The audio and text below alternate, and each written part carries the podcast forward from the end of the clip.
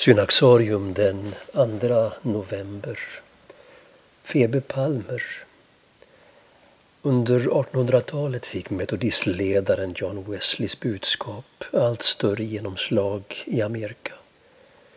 Den traditionella väckelseförkunnelsen hade fokuserat på omvändelsen men för de som gjort denna erfarenhet väcktes frågan om vad som nu återstod.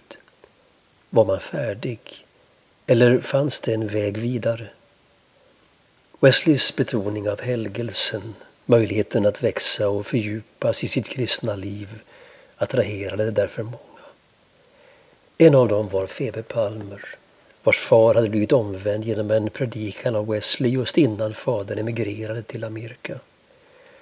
Febe Palmer gifte sig så småningom med läkaren Walter och de bodde i en lägenhet i New York.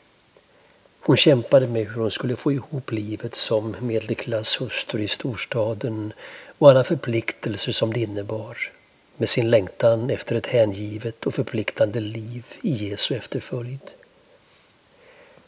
Efter att ha förlorat tre barn under tragiska omständigheter drevs Palmer in i en brottningskamp med Gud. Hon bad och sökte intensivt och en dag upplevde hon ett genombrott. Den 27 juli 1837 skrev hon i sin dagbok Igår kväll mellan klockan åtta och nio tömdes mitt hjärta på mig själv. Det renades från alla avgudar, från all orenhet och jag insåg att jag vilade i Gud. Jag kände att Gud var i min själ, att han var mitt allt. Palmer tolkade sin mystika erfarenhet i termer av rening och helgelse och började nu förkunna detta budskap för andra. Tillsammans med sin syster inbjöd hon stadens kvinnor till samlingar i hemmet.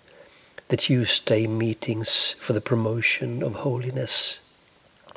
Dessa skulle pågå i fem decennier och blev ett nav för väckelsen i Amerika. Hon blev också redaktör för tidskriften Guide to Holiness som blev en av de mest lästa tidskrifterna bland väckelsekristna i USA. Genom dessa och liknande initiativ blev Febe Palmer den naturliga ledaren för den amerikanska helgelserörelsen. Hon kallas ibland för helgelserörelsens moder. Denna rörelse bildade få egna samfund men påverkade desto fler. Den gick som en underström genom 1800-talets kristenhet och till dem som tog intryck hörde förkunnare som Charles Finney och Dwight L. Moody.